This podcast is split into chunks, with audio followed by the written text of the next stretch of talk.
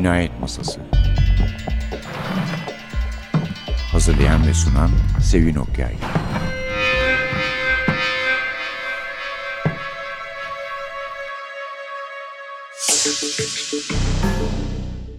Merhaba. NTV Radyo'nun Cinayet Masası programına hoş geldiniz. Efendim bugün size gene bir İskandinav polisiyesi sunuyoruz. Yani İskandinav polisiyelerini çok sevmemiz tek nedeni değil ki genelde çok sevdiğim söylenebilir. Herkes gibi anlaşıldığı kadarıyla. Çünkü biliyorsunuz bunlar özellikle İsveç polisiyeleri, İsveçli yazarların imzasını taşıyan kitaplar. İlk çıktığında İngiltere'de polisiye yazarları şakalaşıyorlardı. Yani ne olacak bunlar yüzünden bizim kitaplarımız satılmaz olacak. Kitapçılarda yer bulamayacağız diye. Ama tam öyle olmamıştır belki ama özellikle Larson'dan sonraki hamleyle büyük ihtimalle İngiliz yazarların polisiyelerinden daha ön plana çıkarılmış ve sahiden de daha çok satmışlardır diye düşünüyorum. Bu seferki yazarımız Arne Dahl. İsveçli bir yazar ve şöyle bir durum var. Size daha önce hipnozcuyu sunmuştuk. Lars Kepler de yazarı. Ama yazarı Lars Kepler değildi sonuç olarak. Karı koca yazarlar Alexander ve Alexandra Andoril bu kitabı yazanlar. Lars Kepler adıyla. Hipnozcu ondan sonra biliyorsunuz şu sıralarda oynuyor sanıyorum. Sinemaya da uyarlandı. Ve Lasse Hallström'ün rejisiyle bizden de beğenenler de hayli var. Kitap da çıkalı çok olmamıştı zaten. Evet bu hafta ki yazarımız yani Arne Dahl adıyla yazan şahıs da aslında mahlas kullanıyor ve onun adı da Jean Arnold. Neden böyle bir şey yapıyor bilmiyorum. Yani kendisi ciddi bir roman yazarı ve edebiyat eleştirmeni. Belki de farklı bir dalda yazdığı için yani tepeden baktığını düşünmek istemiyorum polisiyeye. Çünkü ona çok şey getirmiş.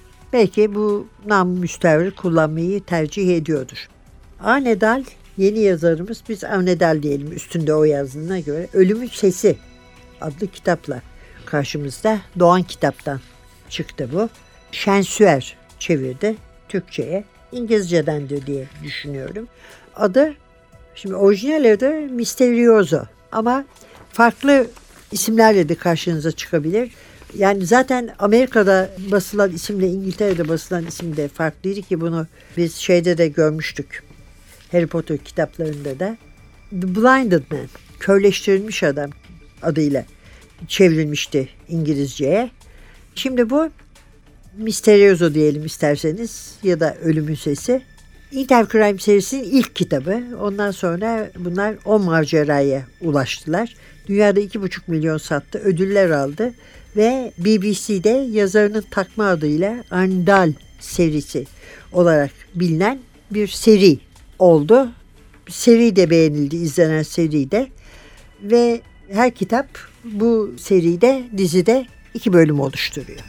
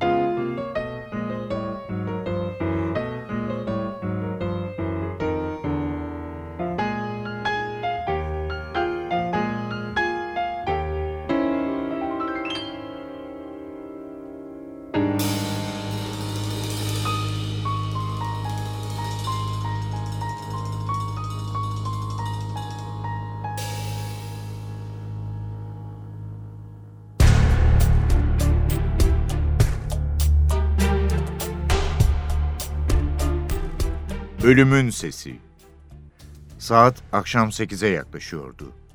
Hiem'le Bruun, Bruun'un bürosunda oturuyorlardı.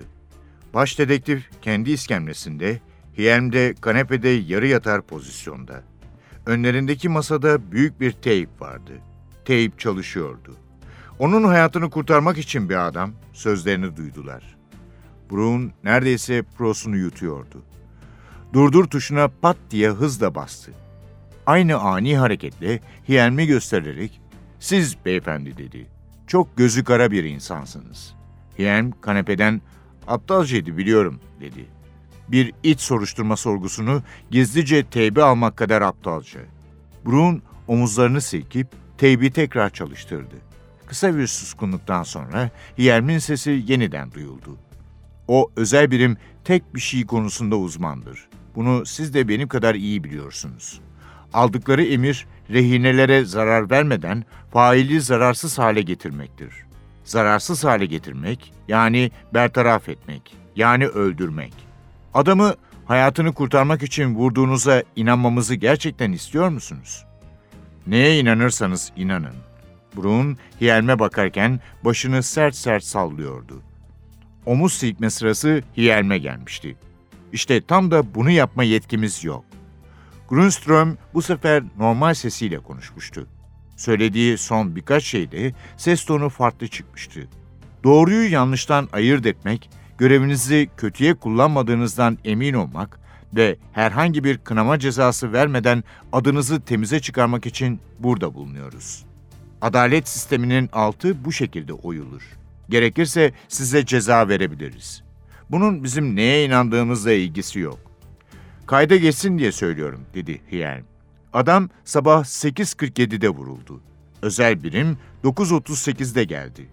Karşımızda çaresiz, silahlı bir adam, dehşet içinde rehineler ve felce uğramış Hallunda alışveriş merkezi varken, dışarıda siper alarak neredeyse bir saat oturup bekleyecek miydik?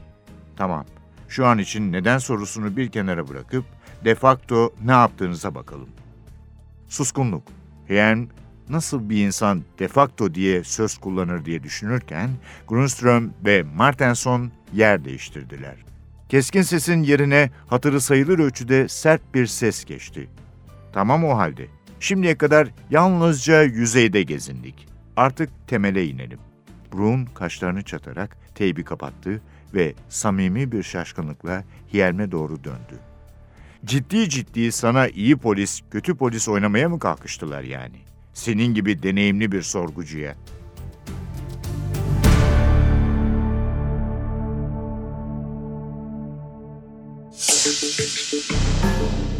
Ölümün Sesi Misterioso ya da The Blinded Man. Kitabımız bize Paul Hien'le tanıştırıyor. Polisimiz o. Aslında her şey cinayetlerle başlıyor. İki tane zengin ve güçlü adam katledilmiş aynı şekilde. Tabii bir paniğe kapılma durumu söz konusu. Medya istediği içine girmesini istiyorlar ve bir birim oluşturuyorlar. Yani düşünecek vakit olmadığı için isimsizlikten A takımı adını verdikleri. Çeşitli yerlerden polisler, çeşitli özellikleri olan polisler bu birimde toparlanıyor ve hiçbir iz bırakmayan arkasında katili bulmaya çalışıyorlar. Katilin özelliği, cinayetlerin özelliği kendi evinde bekliyor kurbanlarını ve bir kanepe ya da koltukta oturuyor oluyor kapıya dönük. Onlar kapıdan girdiklerinde iki kurşunla vuruyor. Kurşunlar duvardan alınmış, kovan yok, parmak izi yok, hiçbir şey yok. Geldiği gibi çıkıp gidiyor ondan sonra. Şimdi bu tabii ki hoş bir durum değil ama Paul için, Hiem için hoş bir durum denebilir. Çünkü başı belaya girmiş kısa süre önce bir göçmenin karıştığı bir olayda bir rehine olayı sırasında başı derde girmiş. Çünkü göçmeni vurup yaralamış. Kendisi iyi niyetli olduğunu ve daha vahim bir tedbir alınmasın, bir faaliyete girilmesin diye böyle yaptığını söylüyor ama başı sayden dertte ve atılmayı beklerken birden bu gruba alındığını duyuyor. Yani kötü gibi görünen bir şey sonuçta onun lehine tecelli etmiş. Ulusal Cinayet Masası NCP bünyesindeki ekipte yer almış. A takımı kitapta belirtildiği şekliyle küçük, sıkı, dışarıdan gelen insanlardan oluşan bir birim. Grubu baş dedektif Jean-Olof Hultin yönetiyor. Altı kişiler demiştim, biri kadın. Ve çok yoğun bir araştırma başlıyor elbette. Gelmin aslında bu da işine yarıyor. Çünkü özel hayatında karısı Silla ve iki çocuğuyla sorun yaşıyor. Yani o kadar da mutlu bir beraberlikleri yok. A takımı bu arada bazen birkaç ipucunu birden kovalamak zorunda kalıyor. Yani hiçbir şey bilmiyorlar. Cinayetler kurbanların geçmişiyle mi ilgili yoksa karşılarında aklını kaçırmış bir seri katil mi var? Pek çok izin hakikaten peşini kovalıyorlar. Bir mason benzeri bir örgüt üyeliği durumu var. Yani ilk iki cinayetten sonra iki kurbanı birbirine bağlayan şeylerden biri. İkisi de burada üye. Aynı yerlerde aynı kulüpte golf oynuyorlar. Aynı yerde gene denize yelken açıyorlar. Ve bütün bu umut verici görülen ipuçları aslında onları hiçbir yere götürmüyor.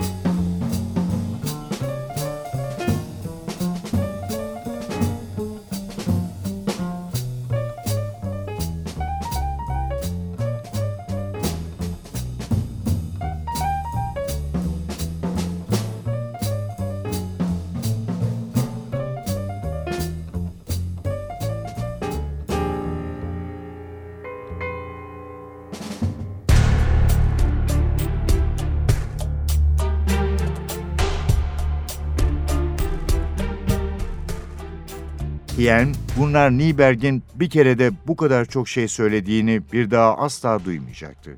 Öyle dedi. Nieberg asla çizgiyi aşmıyordu. Gösterdiği şiddet dolaylıydı. Tepelerinde neredeyse 150 kiloluk saldırı potansiyeline sahip biri dolanınca küçük serserilerin birçoğu hemen boyun eğiyordu. Stockholm ve çevresini arşınlamaya tüm gün devam edip akşama ettiler. Hiermin esas rolü otomobil sürmekti. Ama kadın satıcılarıyla ilgili kısa sorularını Neyberg'in sorgularının arasına sıkıştırıyordu. Öğleden sonra üçten biraz önce Hien Hultin'le kısa bir telefon konuşması yaptı.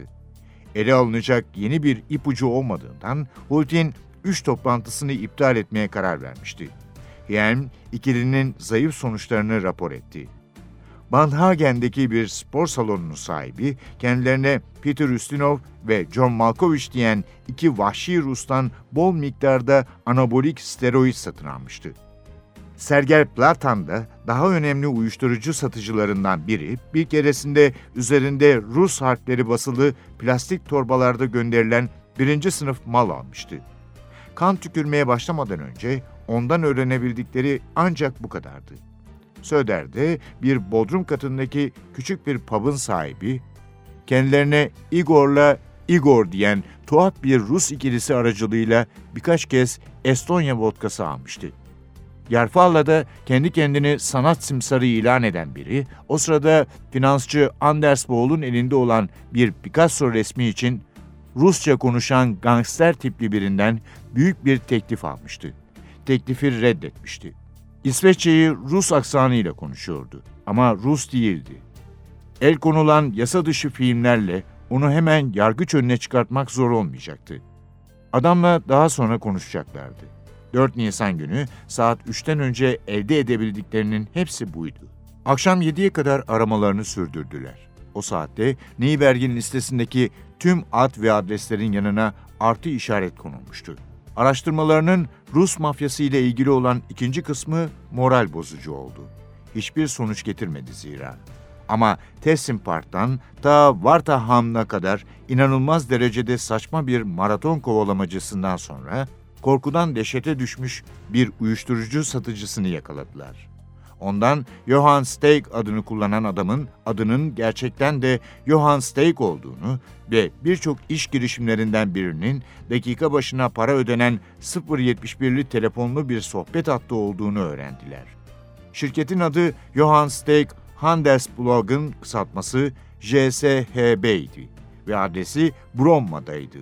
Hiemle Nieberg, Lilleheholm köprüsünden geçtikleri sırada şehrin ışıkları çoktan yanmıştı. Her şey ürkütücü bir sessizliğe bürünmüştü. Bunu her ikisi de fark etti. Oysa bu sessizlik belki yalnızca kendi zihinlerindeydi. İkisi de gece onları kötü bir uykunun beklediğini biliyorlardı. Cinayetin ne zaman ve nasıl işleneceğini biliyorlardı. Ama kim ve nerede sorularının cevabı yoktu. O gece başka biri daha öldürülecekti.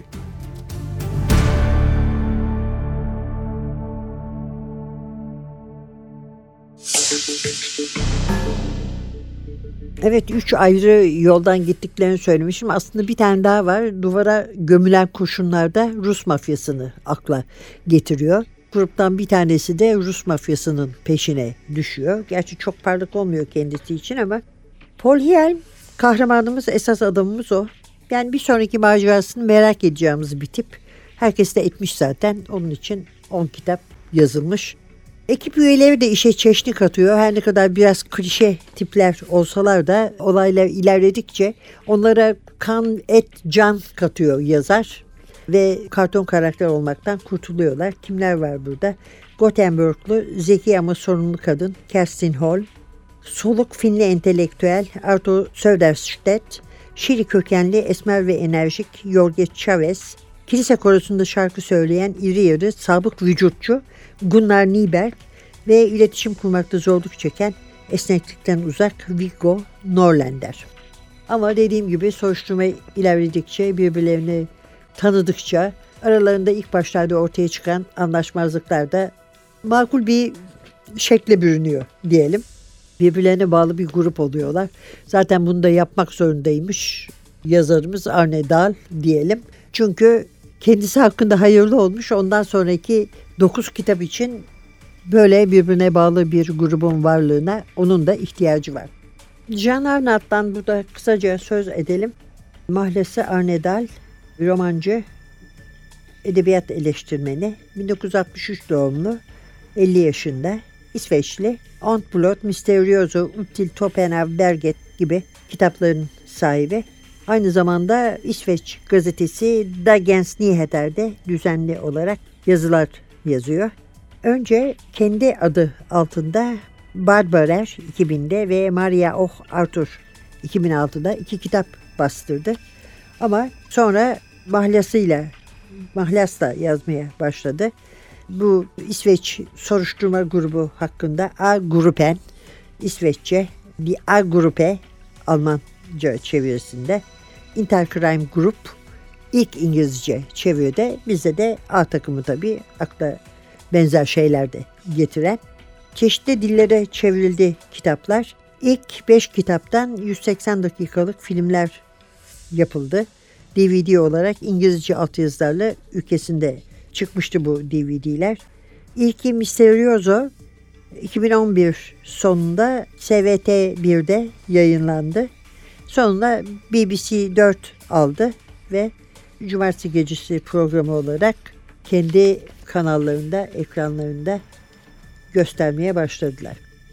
Ama bunun dışında da gerçekten sadece söyleyeyim iki tanesinden ibaret olmayan 1990 ile 2010 arasında yazdığı çok sayıda romanı var. Jean Arnault adıyla. Arne Dallar'da mini dizi yapılan pek de mini değil aslında kitaplar ve hep aynı grubun maceralarını anlatıyor. Hien,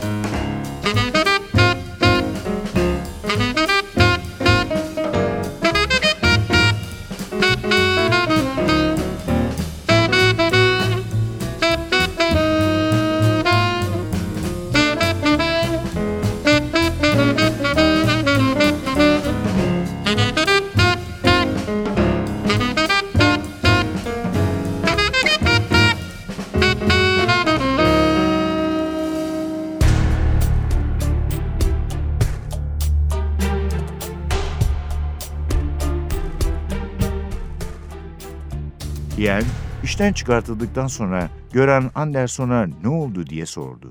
Burada kentte kalmaya devam mı etti? Lisbeth, hayır dedi. Üzgün bir hali vardı. Yok, kız arkadaşını çaresiz bir halde yüzüstü bırakıp ortadan kayboldu. Onun nerede olduğunu Lena'nın bilebildiğini sanmıyorum. Lena mı? Lena Lundberg. Algos Mala'nın öteki tarafında küçük bir evde oturuyorlardı. Lena şimdi orada tek başına yaşıyor. Üstelik de hamile zavallıcık. Muhtemelen Göran baba olacağını bile bilmiyor. Göran'ın 91 baharı sıralarında yaralanıp yaralanmadığını hatırlıyor musunuz? Evet, Josephson personel listesini zihnine kaydetmişti. O sıralarda birkaç aylığına hastalık izni aldı. Dişleriyle ilgili bir şey. Hat, köprü yaptırması falan gerekmişti sanıyorum dedi. O dönemde zamanının büyük kısmını evde geçirdi. Olanlar konusunda konuşmak istemiyordu. Ama kolunda alçıyla da gördüm onu. Galiba bir araba kazası geçirmişti. Yen, bir şey daha var dedi. Gören Anderson banka anahtarlarını iade etmiş miydi? Banka müdürü Albert Josephson, bunu yaptığını sanmıyorum dedi. Sesi ilk kez tereddütlü çıkmıştı. A takımından üç polis yine bakıştılar. Her şey yerli yerine oturuyordu. Açık uçlar birbirine bağlanıyordu. Gören Anderson. Eklenecek fazla bir şey yoktu. Hien Rede'ye döndü. Vaxio'de robot resim çizen biri var mı diye sordu. Halen beti benze atmış haldeki Rede, polis ressamı mı dedi. Burada bazen kullandığımız biri var. Evet. Üçünüz buraya gelen ve soruşturmayı devralan NCP mensubunun robot resminin çizilmesi için birbirinize yardım edeceksiniz. Olabildiğince ayrıntı vermeye çalışın. Ama önce bizi Lena Lundberg'in yanına götürmenizi istiyorum.